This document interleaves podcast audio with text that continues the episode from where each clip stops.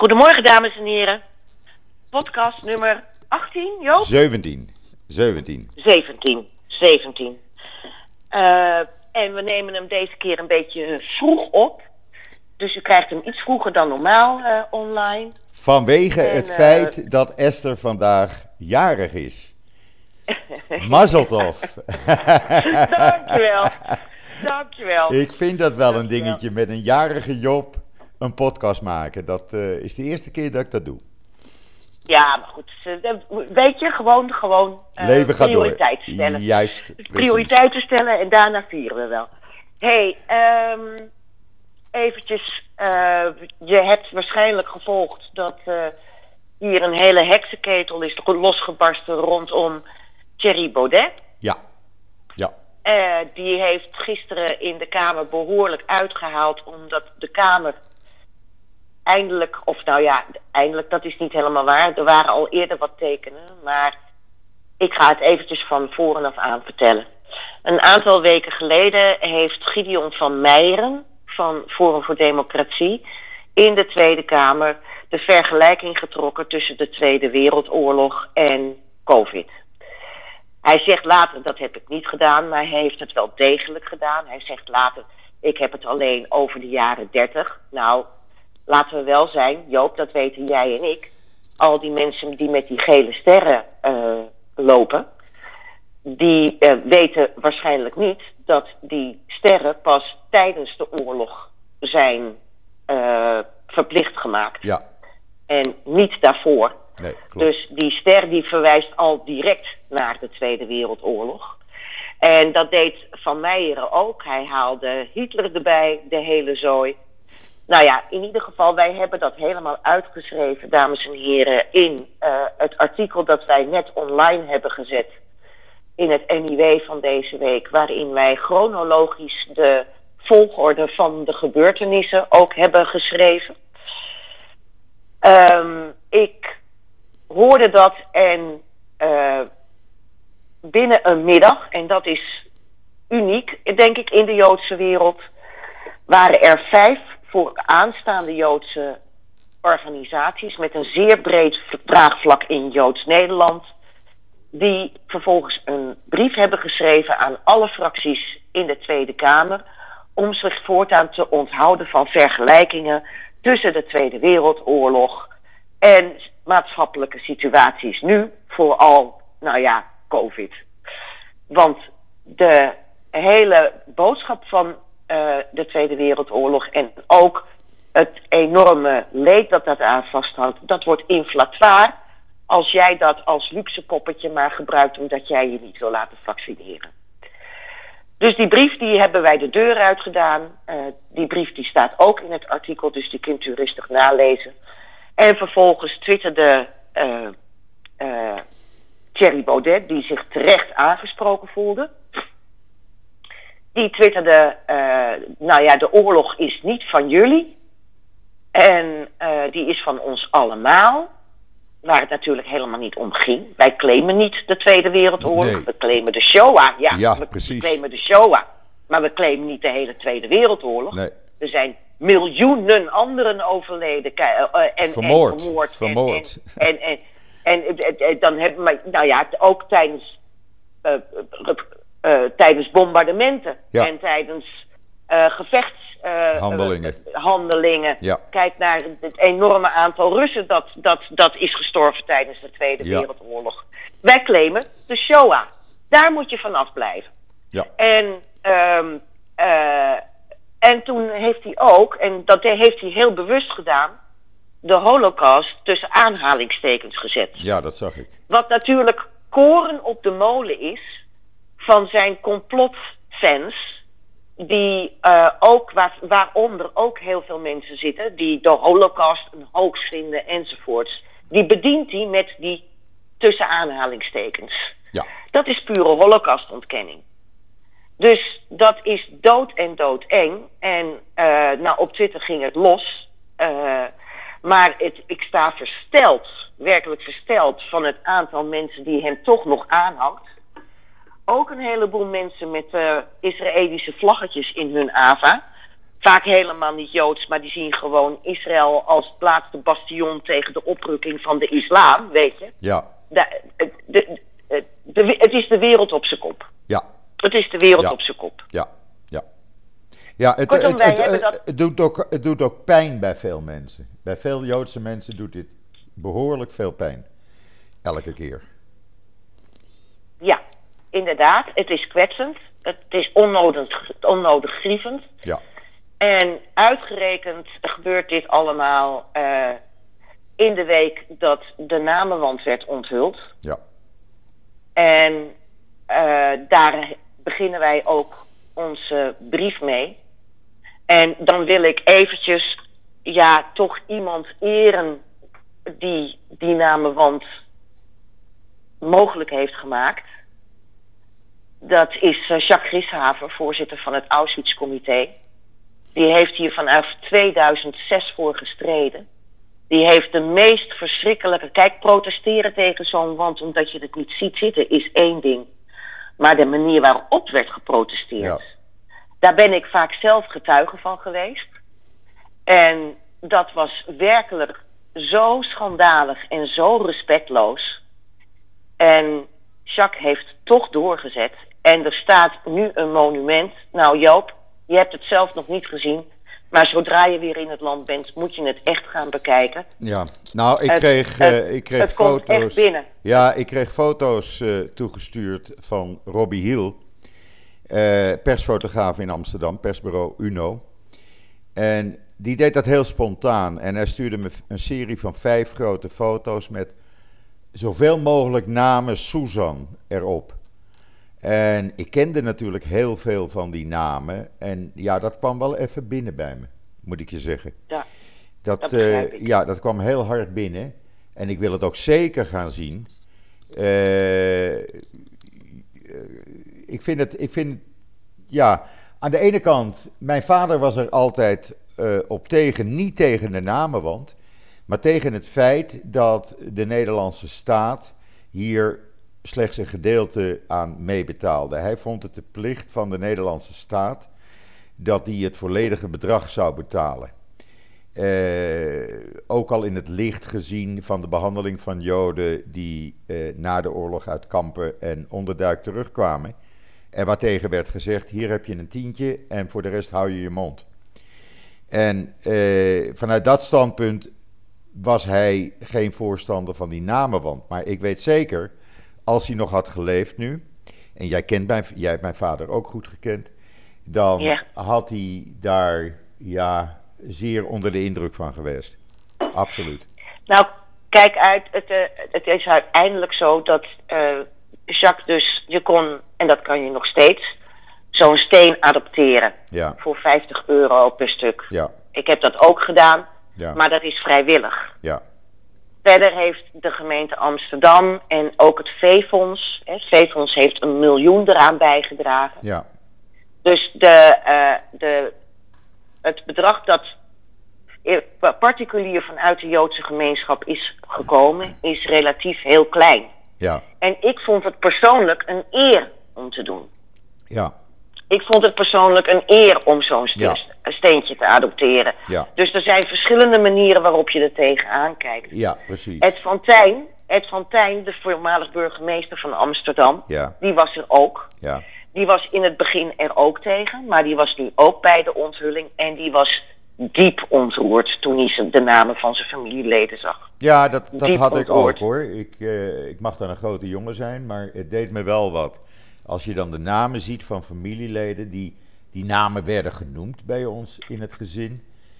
Eh, en dan, dan zie je al die namen en, en dan zie je die leeftijden 12 jaar, 15 jaar, eh, 24 jaar, eh, 60 jaar.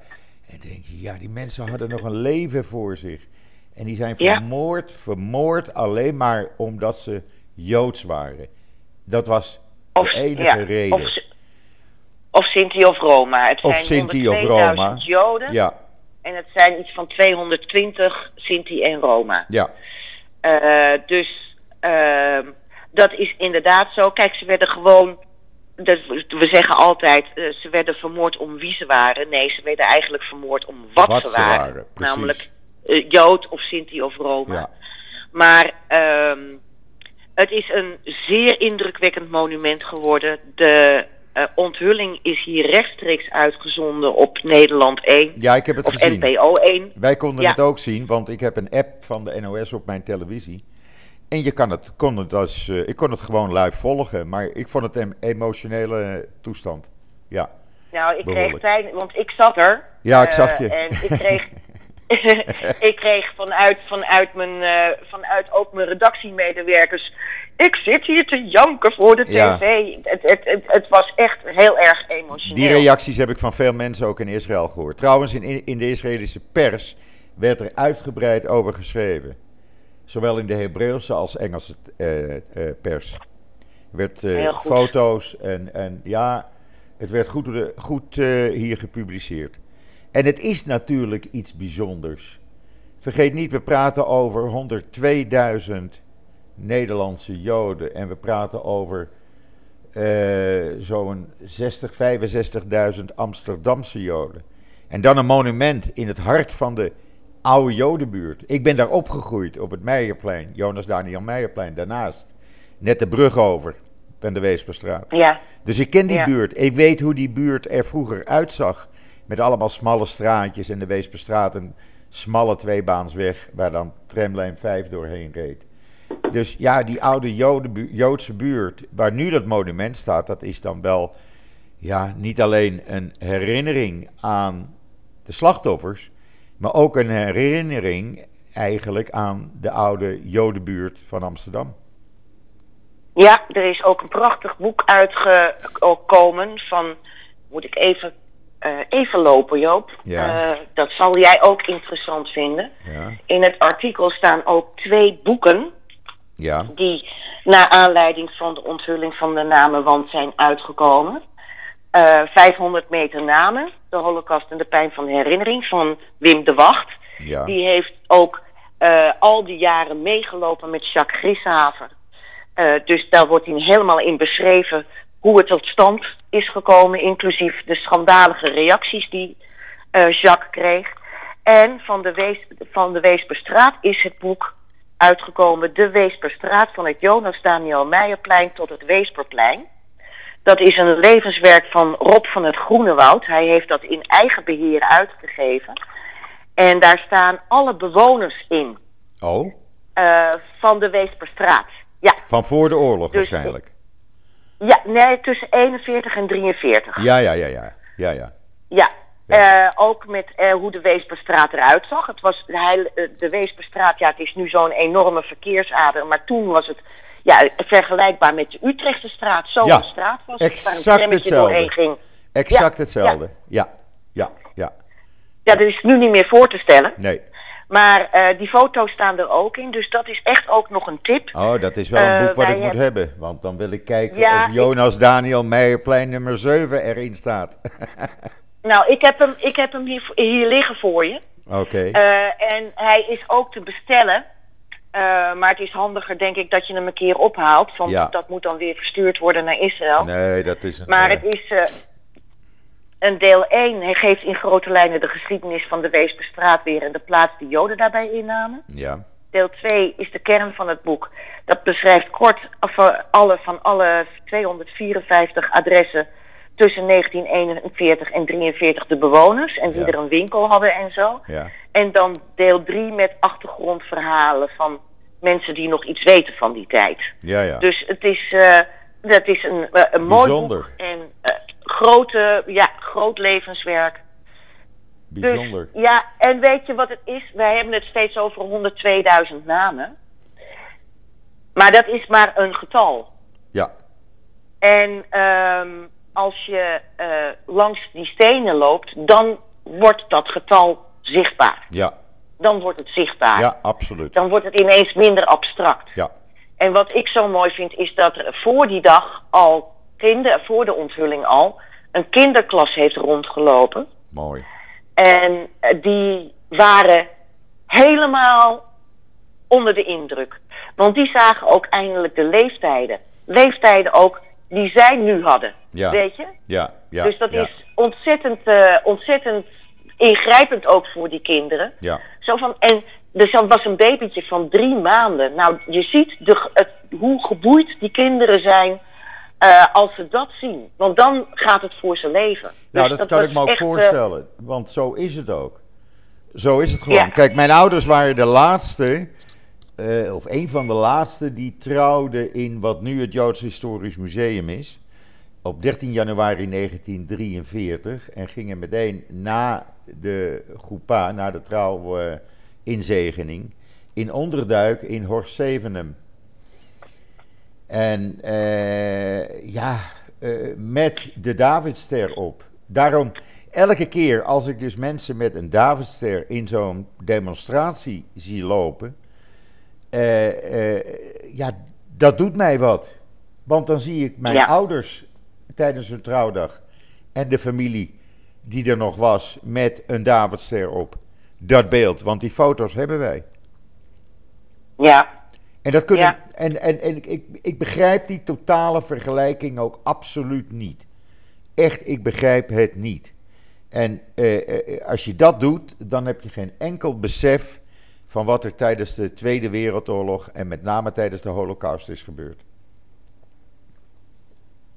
Of je wil het besef niet hebben. Kan ook ik kan, me niet, ik, ik, kan me niet voorstellen, ik zie sommige mensen van wie je er toch echt uh, het vermoeden kunt hebben dat ze een goede opleiding hebben gehad, die die vergelijking ook maken.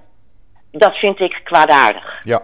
Dat vind ik echt kwaadaardig. Ja. Als je weet wat er gebeurd is en je blijft het toch doen, ja. dan, dan zit daar voor mij iets kwaadaardigs in. Absoluut, dat doe je het bewust. Ja, dus uh, um, nou ja, we gaan wel zien wat hier verder gebeurt. Uh, gisteren hebben we de rant van Thierry Baudet in de Tweede Kamer gezien. Uh, gelukkig waren er ook Kamerleden die daar tegenop stonden. Uh, Gert-Jan Zegers deed dat heel erg goed. En Rob Jetten heeft er ook wat van gezegd. Okay. Heel jammer dat andere Kamerleden uh, hen niet bijvielen. want dit kan alleen maar bestreden worden als collectief wordt gezegd dit kan zo niet. Dat begrijp ik ook niet. Dat de rest van de Tweede Kamer daar niet tegen, tegenop staat. Dat men dat gewoon maar laat doorgaan. Dan moet je als Tweede Kamer, als één man, één vrouw zeggen: Nu is het genoeg, meneer Baudet. Precies. Nu stoppen we. Precies. Maar als dat niet gebeurt, ja, uh, uh, wie zwijgt stemt toe, zullen we maar zeggen. Ja, en je zag het ook al bij die Gideon van Meijeren. Dat was ook één vertegenwoordigster van het CDA die daar uh, echt stevig in ging. Ja. En um, uh, daar stonden wel mensen omheen om ook iets in het zakje te doen. Maar Vera Bergkamp schorste toen de vergadering. Mm -hmm. uh, maar dat lijkt mij de enige manier. Ja. Maar goed. Voorlopig blijven je, wij met z'n is... tweeën, wij blijven doorvechten. En zoveel mogelijk ja. aandacht hieraan besteden. En dat laten we niet, we stoppen daar niet mee. We gaan er gewoon mee door. Nee, sommige mensen zeggen wel, je moet hem in zijn sop gaar laten koken. Nee, nee. Maar nee. weet je, um, er is antisemitisme op de straat, hè? Ja. Uh, met die, ook die, David, die gele sterren en zo. Maar uh, dit is in het parlement. Ja. En ik vind dat je dan echt collectief moet zeggen: dit gaat ver over de schreef. Absoluut. Dit gaat ver over de schreef. Absoluut. En de radicalisering die ik bij Thierry Baudet de afgelopen jaren heb gezien, die is verbijsterend. De radicalisering is werkelijk verbijsterend. Ja. Want hij is gewoon extreem rechts geworden. En niet, niet zo'n klein beetje, hè? Nou, maar buiten Met dat... antisemitische ik, opmerkingen. Ja, maar ik, ik, ik, ik, soms denk ik, daar staat een volksmenner. Elke keer als ik hem hoor ja. en, en, en lees, dan denk ik, die man is bezig met iets wat iemand anders zeg maar zo'n goede 80 jaar geleden ook deed. Nou maken wij de vergelijking.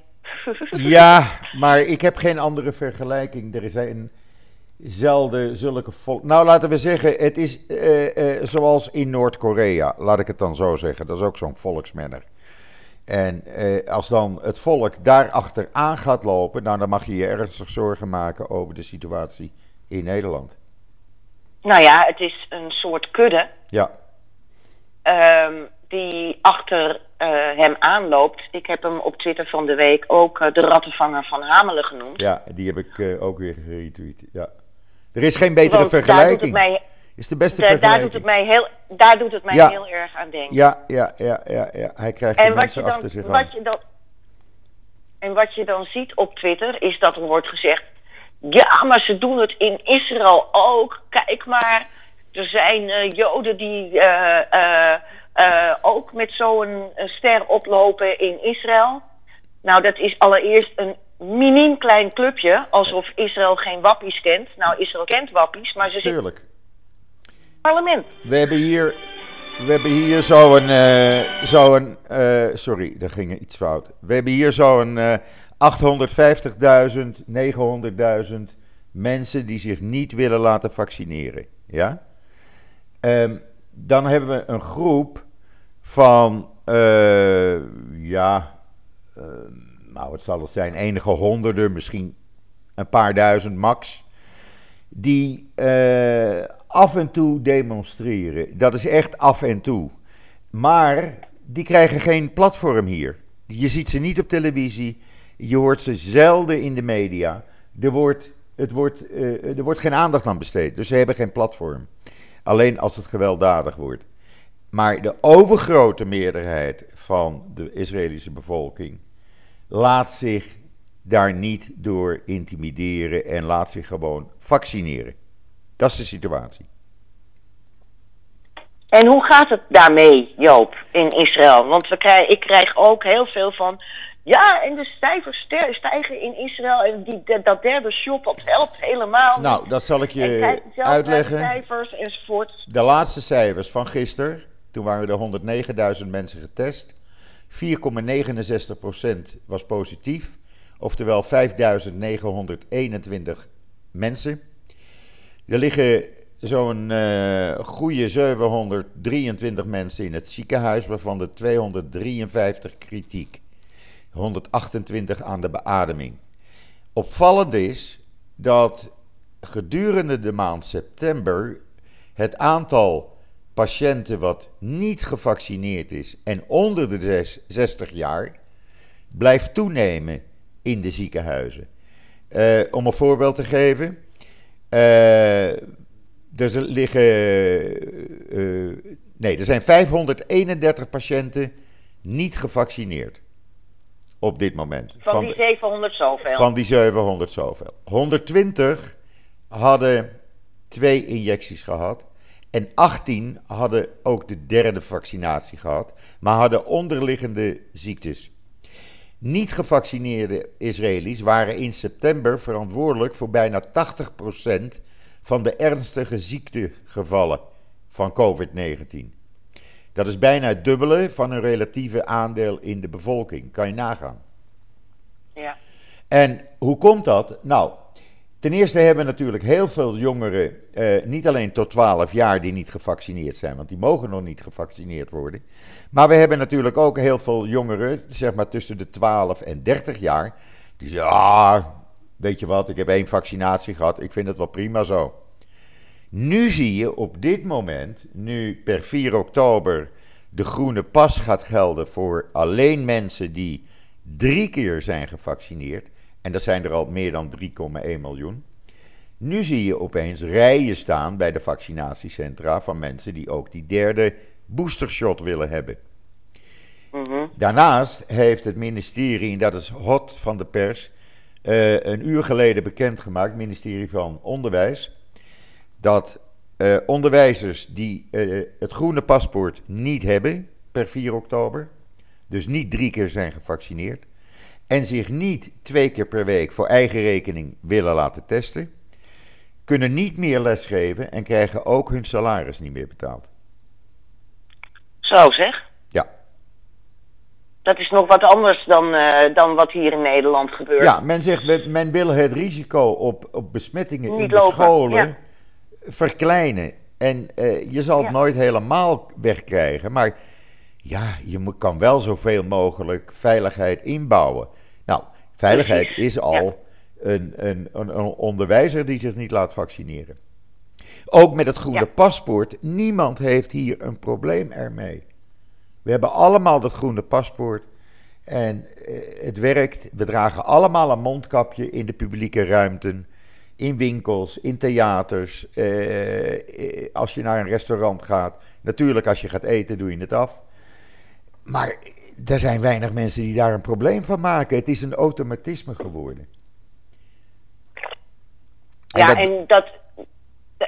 ik, ik snap ook niet dat eh, mensen die vrijwillig een keuze maken om zich niet te laten vaccineren, Ja, eh, die zijn vrijwillig gevaarlijk voor anderen. ja, En op het moment dat daar dan consequenties aan zitten, ja. dan willen ze die niet dragen. Nee, precies. En wat, ik, wat mij dan opvalt, in Nederland wordt dan dagelijks gesproken over een weekgemiddelde.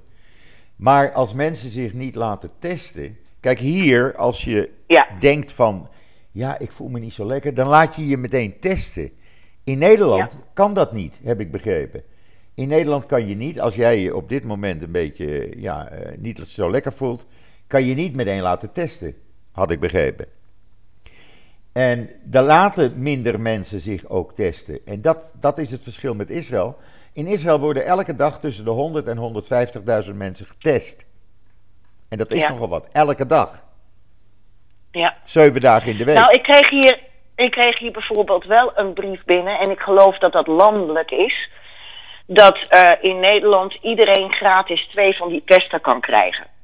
Eh, dus dat moet, dan moet je je even aanmelden en dan krijg je die testen opgestuurd. Ja, ja maar ik Ehm. bedoel dus fysiek testen, niet met die, eh, met die testen die je thuis doet, maar naar een testcentrum gaan. Ik reed gisteren Mhm. in Tel Aviv langs het grote testcentrum bij het Expo Center. Je weet waar dat is, bij dat amusementspark. Dat is een Ja, enorm groot parkeerterrein. Daar reed ik langs en daar stonden gewoon een paar duizend eh, auto's te wachten in de rij om getest te worden, want het is een drive-thru eh, test. Men laat zich, Ja. kijk, kinderen onder de 12 moeten dus als ze ergens naartoe willen, en we hebben nu Gol, Gol Amouet, de grote vakantie, dus men wil naar Ja. amusementsparken, et cetera, dan moeten ze een testbewijs laten zien van kinderen onder de 12 jaar. Dus ja, ook die worden getest elke dag.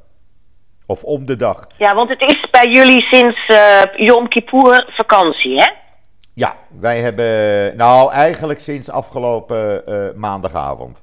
En dat duurt tot en met eh, woensdag. Dan is het voorbij. Dus Ja, ja, iedereen, eh, heet, heet dat. En dan gaat men erop uit. Men gaat de natuur in, naar het strand, naar musea, naar amusementsparken, winkelcentra natuurlijk. Bij mij is vanavond voor de deur een heel groot eh, muziekfestival in het amfitheater achter de shoppingmall. Eh, en zo gebeurt dat overal in het land. En want het is Sukkot. Het is Sukkot-tijd. Sukkot is het, het eh Loofhuttenfeest. Ja, Dan zie je in Israël ook allemaal hutjes buiten. en hoe? Kun je... Sorry, ik, eh, ben een, ik ben een beetje... Verkouden. ehm, even even niezen, niezen, ja. Gezondheid. Ehm dankjewel. Ehm de, want het is dus Sukkot, het is Loofhuttenfeest. Ja. Dan zie je in Israël allemaal hutjes buiten, omdat het ons... eh, het is een eh, feest dat herdenkt de 40 jaar in de woestijn. ja, Dus je moet ook de sterren kunnen zien. ja, En ehm, eh, ja, hier in Nederland eh, worden de temperaturen nu heel snel kouder s s'avonds. Eh, maar in Israël is het natuurlijk een, ja, heerlijk om daar dan gewoon lekker in je hutje te zitten s'avonds. Het heeft iets ontzettend knus. het is leuk. En het is, ook, Het is leuk. en het is ook het feest waarbij de laatste oogst wordt gevierd voordat Juist. we de winter ingaan. Precies. En we vragen om regen. Hè? Er worden de gebeden zijn tijdens deze Sukkotweek eh met een gebed om regen. Nou, daar hebben jullie vorig jaar meer dan voldoende van Eh, gehad. hebben veel, ja, en er wordt ook, en dat is ook zo mooi, ik heb dat al eerder gezegd, ongeacht wanneer Sukkot valt, of dat nou begin september of oktober is, tijdens of net na Sukkot komt de eerste regen. Dat is heel bijzonder. Wat grappig. Ja, en wat ook bijzonder is, mensen die die loofhutten hebben neergezet, laten hun spullen er gewoon in. Ventilatoren, eh, tafels, stoelen, eh, speeltjes, die blijven s'nachts er gewoon in en niemand die eraan komt. Dat is dan ook weer mooi. Ja, het is prachtig. Ja. Dat is... Uh, Gewoon omdat ja, kan. Respect heet dat. Ja, precies. Respect. Inderdaad. Ja. Ja. Ik denk dat dat hier in Nederland anders uh, ligt. Ja. Maar goed. Ja. Ja. Maar goed, dat is Israël in deze tijd. Het is een hele bijzondere tijd. Mensen zijn op vakantie. Uh, ik denk dat uh, zo'n 60, 70 procent niet werkt op dit moment. Scholen zijn natuurlijk dicht. En mensen gaan, uh, ja, gaan overal naartoe. En het weer is ook prachtig, rond de 30 graden, niet echt heet. En uh, s'avonds is het dan rond de 26, 28 graden. Dus perfect weer om uh, een, een, een, mooie tocht in de Negev of in de uh, Golan te maken. Ja, heerlijk. Geweldig. Ehm, ja. Wanneer kunnen we weer, Joop? Ik heb begrepen dat op, vanaf 4 oktober of zo... Ehm, als je gevaccineerd bent, dat je dan Israël weer in kan? Is nou, daar nieuws over? Het is, ja, er is wel wat nieuws. Ten eerste, de Europese Unie en Israël hebben een overeenkomst afgesloten. Waarbij elkaars groene paspoort wordt erkend. Dat betekent dat mhm. als jij naar Israël komt en je hebt je Nederlandse groene paspoort, geldt dat hier ook. Overal waar je mhm. naartoe wil. Uh, ik verwacht dat na de feestdagen, dus zeg maar eh, medio oktober, de grenzen voor gevaccineerde buitenlanders open gaan. Ik heb dat dus gisteren... dan uh, zou... Ja, dan kan je komen. Nee, ga je gang.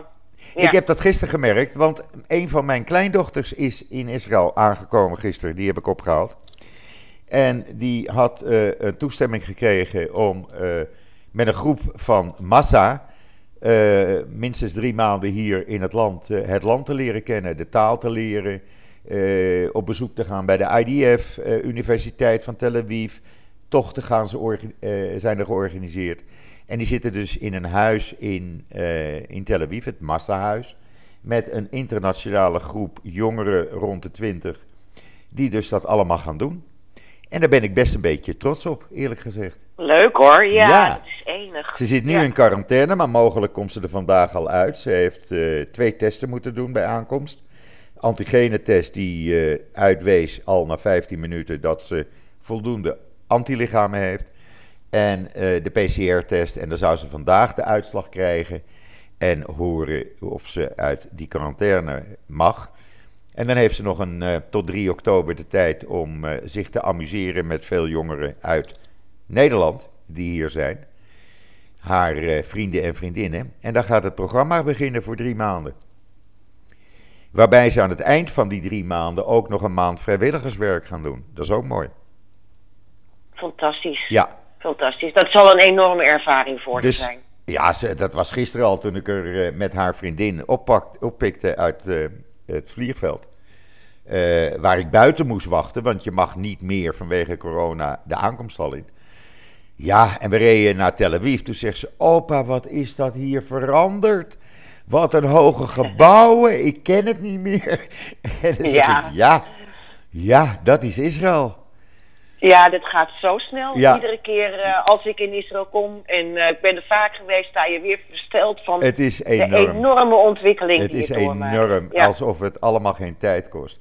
Dus opa is best een beetje trots dat zijn kleindochter hier is.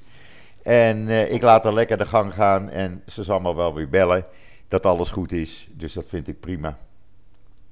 Helemaal top. Ja, Helemaal en dan top. komt ze ook eens op vrijdagavond hier en ze gaat een paar keer met me mee een tochtje maken in het weekend. Nee, dat wordt wel leuk. Dat wordt gezellig. Dus uh, opa is weer busy. opa had nog niet genoeg om handen. ja, leuk hoor. Heel mooi. Ja, maar ik ben trots erop. Ben trots. En ik zou het iedere, alle jongelui aanraden. Doe dat gewoon. Drie tot zes maanden met massa. Uh, dat programma. Je leert de taal. S'morgens en smiddags ga je op excursie en ga je naar allerlei instellingen en bedrijven en universiteiten. En uh, ja, dan uh, leer je het land op een manier kennen zoals je niet leert kennen als je als toerist gaat natuurlijk. Mm -hmm. Maar dat is natuurlijk ook bijzonder. Ja, ja, dat is zeker bijzonder. Ja. Dat geeft ook meteen een heel andere blik. Het geeft een, andere, blik, en je leert echt uh, kennen hoe het land in elkaar zit. De problemen, de leuke dingen, de, de, niet leuke dingen. Eh, je leert een beetje leven als Israëli. En dan kan je bepalen of het je wel of niet bevalt. En Ja. dat is natuurlijk leuk. Dat is natuurlijk leuk. En ik vind het mooi dat het ondanks corona weer eh, eh, is opgepikt. Dat dat weer eh, aan de gang is. Birдрide ook. Die zit hier ook met eh, tientallen groepen. Dus ja, dat begint alweer. Dus hopelijk in oktober kan ik zeggen... Esther, kom gezellig even een paar dagen eh, logeren. Als, zodra het, het werken toestaat, Joop. Want wij trekken met het NIW tot en met Hanukkah door. Ja, ja, tot Hanukkah door, moet ik zeggen. ja. Eh, dus eh, de, de, voor ons is pas weer eh, tijdens de, de, de oud en nieuw is het weer ehm, een, andere, een ander geval. Dan, Ja. dan mogen we weer ademhalen. Nou ja, je weet, de deur staat altijd open. Ja, dan En je kent de buurt. ongetwijfeld zien. Je kent de buurt. je kent de buren. Ja. en de hond. En de hond. en de hond. Ja. Joop, ik ga verjaardag vieren. Ga jij lekker eh, je verjaardag vieren. En maak We er gaan verder wel zien hoe het zich allemaal ontwikkelt. We houden het bij. We houden het bij. En we blijven actief eh, alles volgen wat er in Nederland en in Israël gebeurt. Zeker Sorry. weten. Oké, nogmaals een Eh. hele fijne dag. Dankjewel. En voor iedereen. Jij ook. Dankjewel. Voor iedereen alvast Shabbat Shalom vanuit Israël. En Gak Sameach. En Gak Sameach. Oké, tot ziens. Dag, dag. Dag Dag. Esther.